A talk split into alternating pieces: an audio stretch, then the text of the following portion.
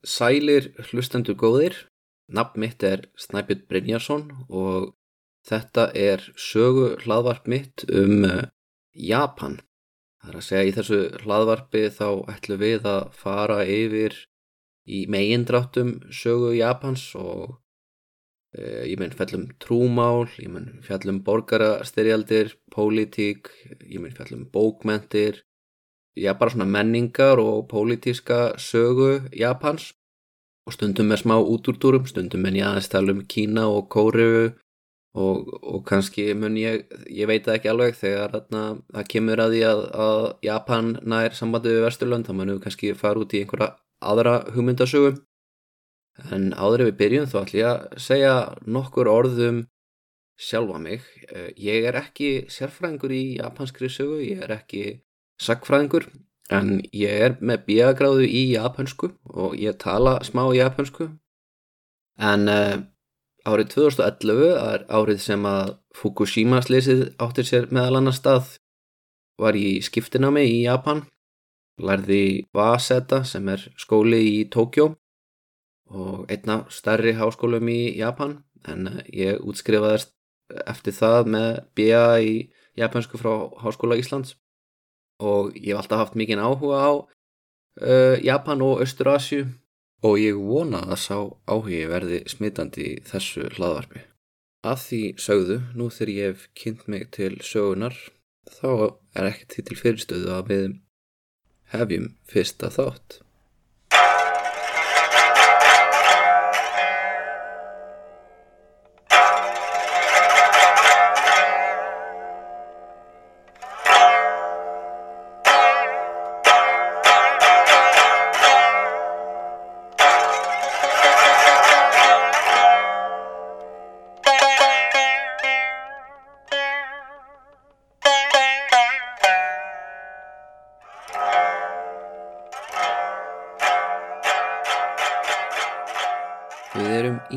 Mund að hefja sögu sem tekur meira en 10.000 ár. Sögu sem gerist að mestu leiti á eigaklassa sem nú hýsir um það byrj 126 miljónir manna. En á þessari ferð okkar þá eigum við eftir að rekast á bæði guði og menn, kalla og konur og á leiðinu minnum við sjálfsögðu rekast á samuræja og geysjur en líka leggskáld, farand, munka, kaupmenn, handverksfólk, landkunniði, fræðimenn og svo framvegis. Það verður sem sagt mikið og stort personu galleri á þessari leið. En um, hvað á maður að byrja þegar maður ætlar að fara út í svona stort verkefni? Já, maður byrjar auðvitað bara á upphafi, alls.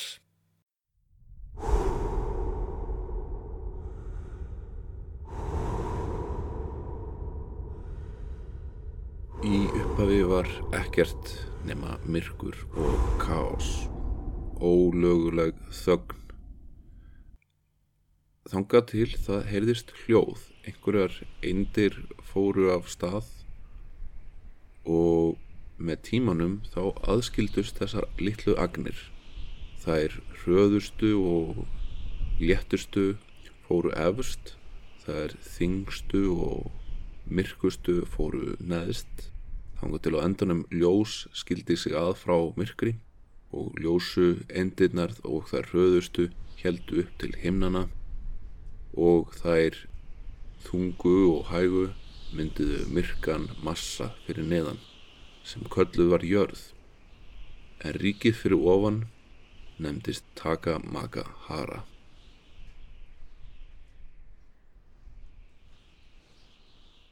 Þetta var þýðing mín á enskri þýðingu á Kojiki á, samt smá umorðun.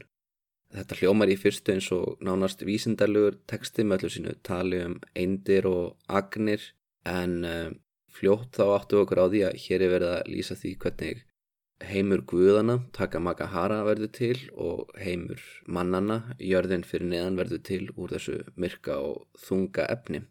Og þetta er úr Kojiki sem er elsta sakfræðiritt sem er skrifað af Japanum fyrir Japani og var skrifað á laungu tímambili en verkinu laug árið 712.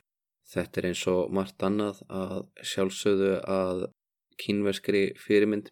Á áttundu öld í Japan var kannski mjög margt sem mætti segja að væri made in Japan en hér um byl allt var samt designed in China eins auðusnúð og það kann að ljóma í dag. En um, ég áttur að fara síður út í pólitíkina bak við þetta rít, það leikur svolítið stóran þátt á samt öðrum sakfræðiritum í pólitík sjöndu og áttundu aldar en í byli er bara nóg fyrir ykkur að vita að þetta var að sjálfsögðu skrifa til þess að réttlæta ítök valdastjættarinnar og snýst mjög mikið um ættir e, keisarans sem að sjálfsögðu má rekja til guðana.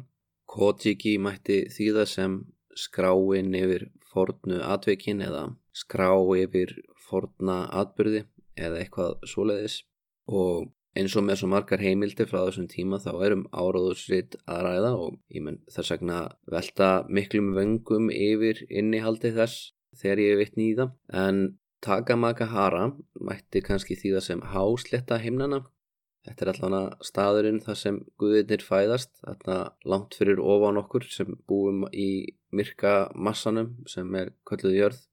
Kotiki segir okkur strax frá sjö kynnslóðum guða sem fæðast þarna en eh, við skulum ekki velta ómiklum vöngum yfir þeim heldur við okkur strax að teimur personum úr sjöndu kynnslóð guðana þeim Isanaki og Isanami sem nokkuð bókstallega eigi eftir að verða foreldrar Japan. Það byrjar þannig að eiginmaðurinn Isanaki hann dýfir spjótu sínu Amen og Hoko eh, svona einhverju himnesku gimsteina spjóti, ekki síðasti táragripurinn sem ég áttur að nefna í þessu hlaðvarpi.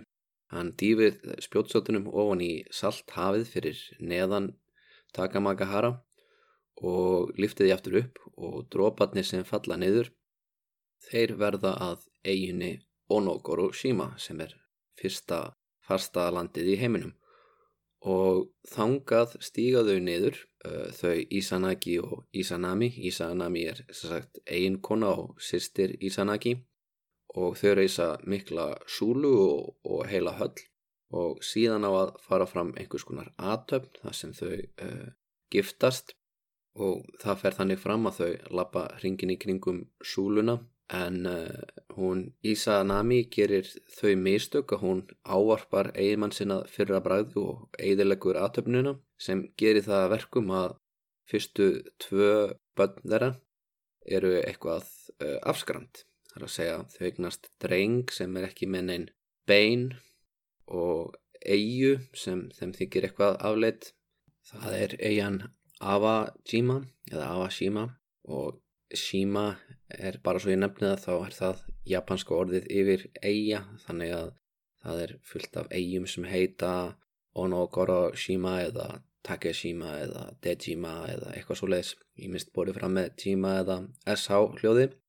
En uh, beinlausi drengurinn það rætist síðar úr honum því hann áftur að verða guð sjómanna og, og kaupmanna Þau eru einhvað síður ekki alveg tilbúin í að, að takast á því þá ábyrð að ala upp uh, dreng með föllun þannig að þau setja hann bara um borð í bát og ídónum út á sjó og þar segir góðsagan okkur að hann, hann reykja landi hjá ænu fólkinu sem aðlan upp. Ænu eru svona veiðimanna samfélag uh, í norðanverðu Japan á miðöldum og eru náttúrulega til enn þann dag í dag uh, settir þú svona í rauninni frumbyggjar í Japansæja sem ég kem inn á í næsta þætti en guðurnir þeir komast að þeirri niðurstuð að Ísanaki og Ísanami þurfum við að endur taka eh, ritualið og ganga annar ringi kringum súluna og passa sig upp á það að Ísanami verði ekki fyrri til að áarpa einmann sinn. Í þetta sinn þá er allt eins og það á að vera og þau eignast margar fallegar eigur átta eigur reyndar allt í allt. Og kannski að ég nýti tækifæri til þess að nefna þessar fjórar sem virkilega skipta máli. Þar að segja það er Kyushu, Honshu og Shikoku á samt Hokkaido sem eru fjórar stærstu eigar japanska eigaklassans en það sem er kannski aðdeglisvert í þessu er að Hokkaido kemur ekki fyrir í þessum, þessari sköpunarsögum aðalega því að Hokkaido skiptir eiginlega engum máli í japanskri sögu fyrir ná 19. öld þá hefst í rauninni landnám Japana fyrst og Það er aðalega sem varnaraðgerð gegn rússum. Japanir hafa ágjörði að rússar komið sér upp bækistöðum í Hokkaido og senda þess vegna landnema þangað. En fram að því þá hefði þess að ænu fólkið búið þar alla sína tíð. En hvaðan um það, eigarnar sem hún Isanami fæðir eru Honshu, Kyushu, Shikoku og líka eigarnir svo Awajima og Tsushima. Tsushima er hérna eiga milli Kóru og Japans sem reyndar standa pólitískar deilur um. Það er að segja Kórea tilur, uh, já, söður Kórea tilur að eigin hafi sögulega verið hluti af kóresku konungdæmanum. Um, það á sér sína skýringar í því að aðalsmenninni sem voru á eiginu voru svona milligöngumenn á milli Japans og Kóru og, og að nafninu til þá viðkendu þau bæði keisaran í Japan og konungin yfir Kóru sem sinn uh, þjóðhöfðingja. En íbúatnir á Tsushima eru japanskir og tala japansku og hafa sannlega gert það alla tíð. Þannig að tilkall Kóru búa þykir mér bísna hæpið en einhvað síður þá er þetta uh, pólitist þrætu eppli en þann dag í dag þegar ég heimsótti Kóru fyrra þá sá ég til dæmis auglýsingu frá ríkistjórninni að í, lestin á leiðin uppi á flugveld þar sem var talað um uh, að eigarnar hefði ávalt tilheirt Kóri en hvað um það? Það er efni í annað hlaðvarp. Kóri og Japan far ekki að deilum landamæri sín fyrir neitt tjóðan á 20. öld eða í fyrsta lagi 19. öld að minnstu kosti. Að lokum þegar Isanami hafi fætt allar eigarnar, eigarnar í japanska eigarklasanum þá kom eldguðin í heiminn, eða Ho-Musubi. Hann sjálfsögðu kom logandi út úr móðukviðinum og brendi aumingja í Sanami til bana og fadur hans var svo reyður að hann afhauðaði són sinn með sverði sínu og skar í átta bita sem hann kastaði svo út um allar eigarnar og þessir átta bitar urðu allir að heilugum eh, eldfjöllum. En uh, blóðdróparnir sem fóru á sverðið sem hann eh, hjó svon sinn með þeir urðu líka að góðum eh, eitt er að datt niður og varðað sjáargóðinu Watatsumi svo er líka aðna þrjumöguð sem kemur fyrir síðar í, í sögunni það, hann dettur, rennur líka að þessu sverði við talum hann eftir held ég tvo þætti en Ísanæki var svo miður sín yfir því að einkonans var í látin að hann eldi hana niður í undirheima þar sem henni döðu búa. Þar fann hann hana, eða allir heldur hann heyrði röddernar í myrkrinu, en hún gráðbaðan um að kveika ekki ljós þarna inni. Nauðvitað hlustaði Ísanaki ekki á þetta og hann þráði svo mikið að sjá konu sína, þannig að hann kvekti ljós með greiðu sinni. Já, ég veit reyndar ekki hvernig það virkar. Kojiki segir hann taki greiðunu úr hárunu og, og það kvikni ljós og kannski kvekti hann í henni, kannski var þetta töfra greiða, En í öllu falli þá lýsir hann upp hellin og sér skindilega hversu hrigaleg Ísanami er orðin. Holt hennar er byrjað að rótna, ormar skrýð út um augunar og hún er hrigalega að sjá. Og hún æpir af skelvingu og skammast sín. Uh, hún verður svo reið út í eiginmann sinn fyrir að hafa niðurlagt sig með því að ofminbera hversu dauðin hefur afmyndað hana að hún sendir skrýmsli á eftir honum.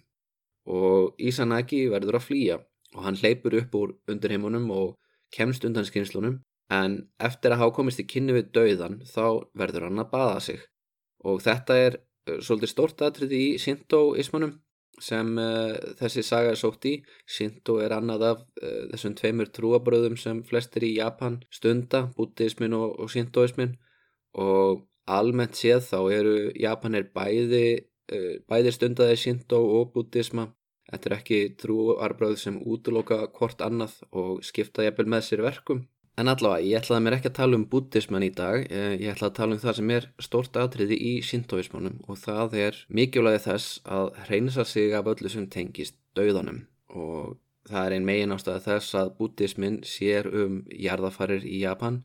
Það er að, shintoismin sér döðan sem mengun og reynir að reynsa út mengun og spillingu úr daglega lífinu eins mikið og, og það getur með sérstaklega áherslu á hreinlæti. Svo Ísanæki hann fer onni í vatn og hann þrýfur augu sín og úr vinstra augunum kemur dóttir hans Amaterasu. Hún er talin dóttir Isanagi og Isanami en hún sprettur úr auga föðu síns og hann þurkar uh, óhreinindin úr hægri augun og þar stekkur út Tsukiyomi sem er tunglguðin og síðan snýtir hann sér og þegar hann snýtir sér þá kemur stormguðin Susanoo og Susanoo er mikið ólíkinda tól. En þetta er sér sagt hinn góðsögulegi upprunni Japans, þetta er sköpunar sagan og það er auðvitað spurning hvort að þetta hafi verið svo saga sem að bændur uh, sögðu sín á milli fyrir þúsund árum síðan uh, eða hvort þetta hafi bara verið saga sem var skrifuð fyrir uh, mentaða elitunum og að bændur hafi haft einhverja aðra útgáfi. Það getur oft verið svolítið erfitt að greina á milli þess hvað er sko þjóðtrú og hvað það er sem að sko aðalstéttin sjálf trúir, uh, svo sem hefur aðganga bókum og, og slíku. Og mjög stóran hluta af sögu Japans þá er aðalstéttin fyrst og fremst uh, að yfka buddhisma á meðan uh, bændurnir halda sig við sintoisma en að því að bændurnir eru ekki að skrifa veist, þeir skrifa ekki um sína eigin trúar upplifanir eða sína eigin uh, trúar skoðanir þá í rauninni vitum við ekki nákvæmlega hverju þeir trúðu það er, þú veist, sintoismi eins og við þekkjum hann í dag er að mörgu leiti upprunin frá uh, þú veist, skrifum 19. aldar spekinga svona í raun og veru, það er, það er nútímalegt skipulag sem er sett á sem aðgreinir hann meira frá bútismannum að sjálfsögðu þegar tvö trúabröður eru saman á einni eigu í þúsund ár þá byrjaðu svona smám saman að hafa áhrif á hvort annað. Eitt atriði samöndu við Onogoro Shima, það er það að við vitum ekki hvað þessi tildekna eiga er en einn átjándu aldar heimsbyggingur, hann nafni Motori Norinaka, hann taldi sig að hafa fundið þessa eigu og hann las Kotiki mjög mikið, hann atna, vildi meina að uh, hann er einn af þessum fyrstu fræðumönnum sem snýst gegn bútismannum og reynir að reynsa sintoismann af áhrifum frá bútismannum af því hann vil, hann trúir að Japan sé sérstakt og heilagt land þar sem guðir og, og svona andar búi og önnur lönd séu ekki heilug og merkileg í samanbyrði og hann komst að þeirri niðurstuðu að Onogoroshima væri staður skamt frá svæði þessum er í, í Hyogo héræði og, og þarna, er eigaða skamt undan sem heitir Nushima sem hann telur að sé staðurinn þar sem Guðinni komið til jarðar og, og eignist börn sín. Og það sem er aðdeglisert við þessa hugmyndans er svo að þetta er það svæði í Japan sem er hva, með hvað elsta berginu. Og það er 100 miljón ára gamalt berg en uh, Japan er eldfjalla eiga og, og flest af uh, steinunum og berginu í landinu er yngra en 100 miljón ára gamalt. Og fyrst að ég komið þanga þá er best að ég ræði aðeins þessar eigjar nánar. Uh, nú það eru þessar fjórar stóru eigjar Honshu og Kyushu Shikoku og Hokkaido. Það er sérstaklega Honshu sem flest gerist á og Kyushu líka kannski í, í svona aðeins minna mæli því að það er nálagt meginlandinu og þar fyrir fram mikið að viðskiptum og svona til dæmis Nagasaki þar sem var lengi vel aðal verslunar uh, miðstöð Japans í, við umheimin en uh, þarna var líka hafnaborgin Daisafu sem uh, tók við kóruskum og kínverskum kaupmunum á miðöldum og þess vegna var Kyushu mjög ríkt svæði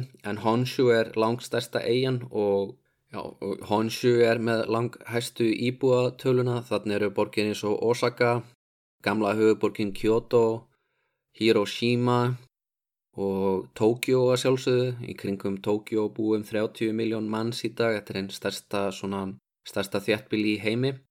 En þessi eigaklasi er á mótum fjögura jarðfleika og það eru með þess að jarðfleikar undir jarðfleikonum í Sanaki jarðfleikin til dæmis sem er nendur eftir eina af þessu sköpun og Japan og Ísland speikla hvort annað á svolítið skemmtilegan máta það er að segja Ísland er á mótum Evrasíu flekans og, og Norður Ameríku flekans. Þeir mætast hérna skamt frá þingvallum og við á Reykjanesinu erum hérna á Ameríku flekanum en meiri lutin af Íslandi á Evrasíu flekanum. Og Japan er að mestu leiti á annarkvort Evrasíufleikunum eða Norður-Ameríska fleikunum nema bara í staðan fyrir að, að Norður-Ameríkufleikin sé vestur hlutin og Eurasíu fleikin austur hlutin þá er það öfugt. Norð-austur hluti Japans er á Norður Ameríku fleikanum og vestur hluti Japans er á Eurasíu fleikanum. Það er að segja hann endar þar í vestanmegin frá og, og þar hefst Norður Ameríku fleikin austanmegin. En það eru tveir aðrir flekar á þessu svæði, Kjerrhafsfleikin og Filipsæjarfleikin sem eru skamt undan ströndunum og eru sígundir Evrasi og Norður Ameríkufleikana og þetta gerir það verkum að það eru mjög öflugir skjáltar aðna. Þetta eru skjáltar sem hafa rústað borgum, eh, mikill skjálti reyði við Tókjó á öðrum áratug síðustu aldar sem eh, kostiði fjölmörg mannslíf og síðan er náttúrulega ekkert svo langt síðan að Fukushima-slýsið varð og það er út af flóðbylgu sem kom eh, í kjölfarið á stórum skjálta. Uh, til að bæta gráan og svart þá er Japan í Kirrahafs eldringnum en hann tegið sig frá Suður Ameríku, norður til Alaska og, og það alla leiðinni kringum Kirrahafið að Nýja Sjálandi og uh, það eru sannilega um 11 til 15 miljón ár síðan stærsta eigin, Honshu, byrjaði að rýsa upp úr hafinu og nú hef ég nefnt þessar fjórar stóru eigjar Honshu, Kyushu, Shikoku og Hokkaido. En í eigaklassunum eru allt í allt 6852 eigjar en flestar svo litlar að ég mun aldrei nefna þær í þessu hlaðvarpi. Þær koma fæstar við sögum. Þó svo margar af smáægjunum enda á því að vera svæði fyrir útlaga til að flýja til. Og það er ekkert óelgengt að þessu sjóraningar í kringum strendur Japans sem hafi áhrif á söguna. En Það er eigjar sem til er að nútímaríkjunu Japan í dag eru 377.975 ferrkilometrar og það gerir Japan að 60. og 3. stærsta ríki í heimi.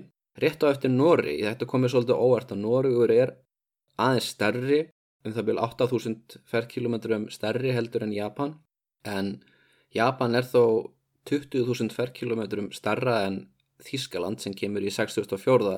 seti þannig að ef þið eru að reyna ímynd ykkur stærðar hlutullin hérna í þessari sögu þá getið þið sagt sjálfum ykkur að Japan er töluvert stærra en Þískaland og örlítið minna en Noregur. Og hæsti punkturinn á þessum eigum er staður sem það hefur öll eflust heirt að og jafnvel síðu myndir af. Það er Fuji fjall, það er svona skálalaga fjall sem er 3776 metrar á hæð og það eru margi sem heimsækja þetta fjall af trúalögum ástæðum.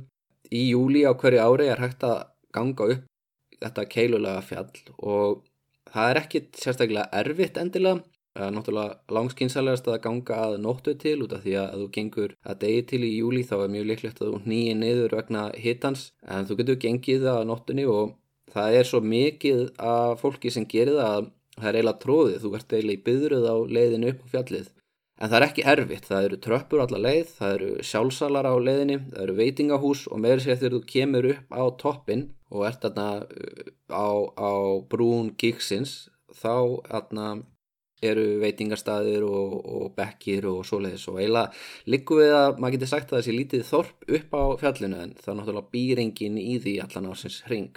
Og ástæði þess að fólk klöngrast oft upp uh, að nóttu til er það að vonast þess að sjá sólaruppbrásuna frá brún fjálsins og þetta gerði ég einu sinni.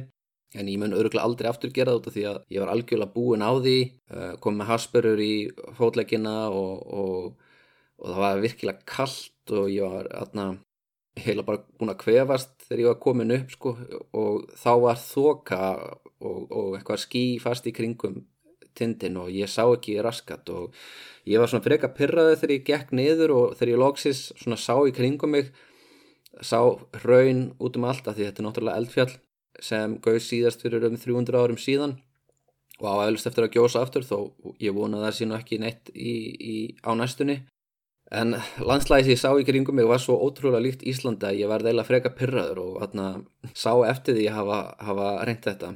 En atna, Já, samt sem áður, þetta er að, ef að, ef að þið sjáðu sólóriðbrásina þá er það eflaust þess virði. Nú þegar við höfum rætt um, aðeins landafræðin og jarðfræðina þá er kannski næsta á dagskrá að ræða náttúruna og dýralífið og, og kannski hvaðan mánfólki sem býrðar kemur.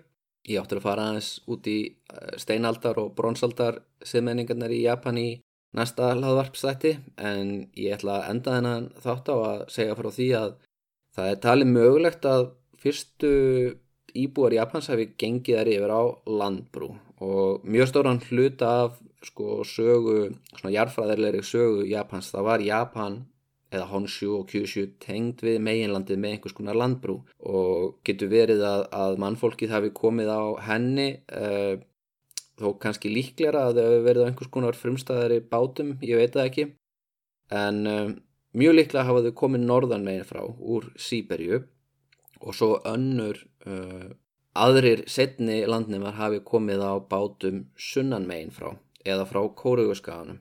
Þetta er náttúrulega allt saman á huldu að þetta gerist á tímum lungu og þurfum við byrjum að, að skrifa hluti niður. En ég þakk ykkur hlustunina að þessu sinni og vonandi þá tjekkið á næsta þætti þar sem ég ræði Jómon og Jæjói tímabilið. Takk fyrir hlustunina.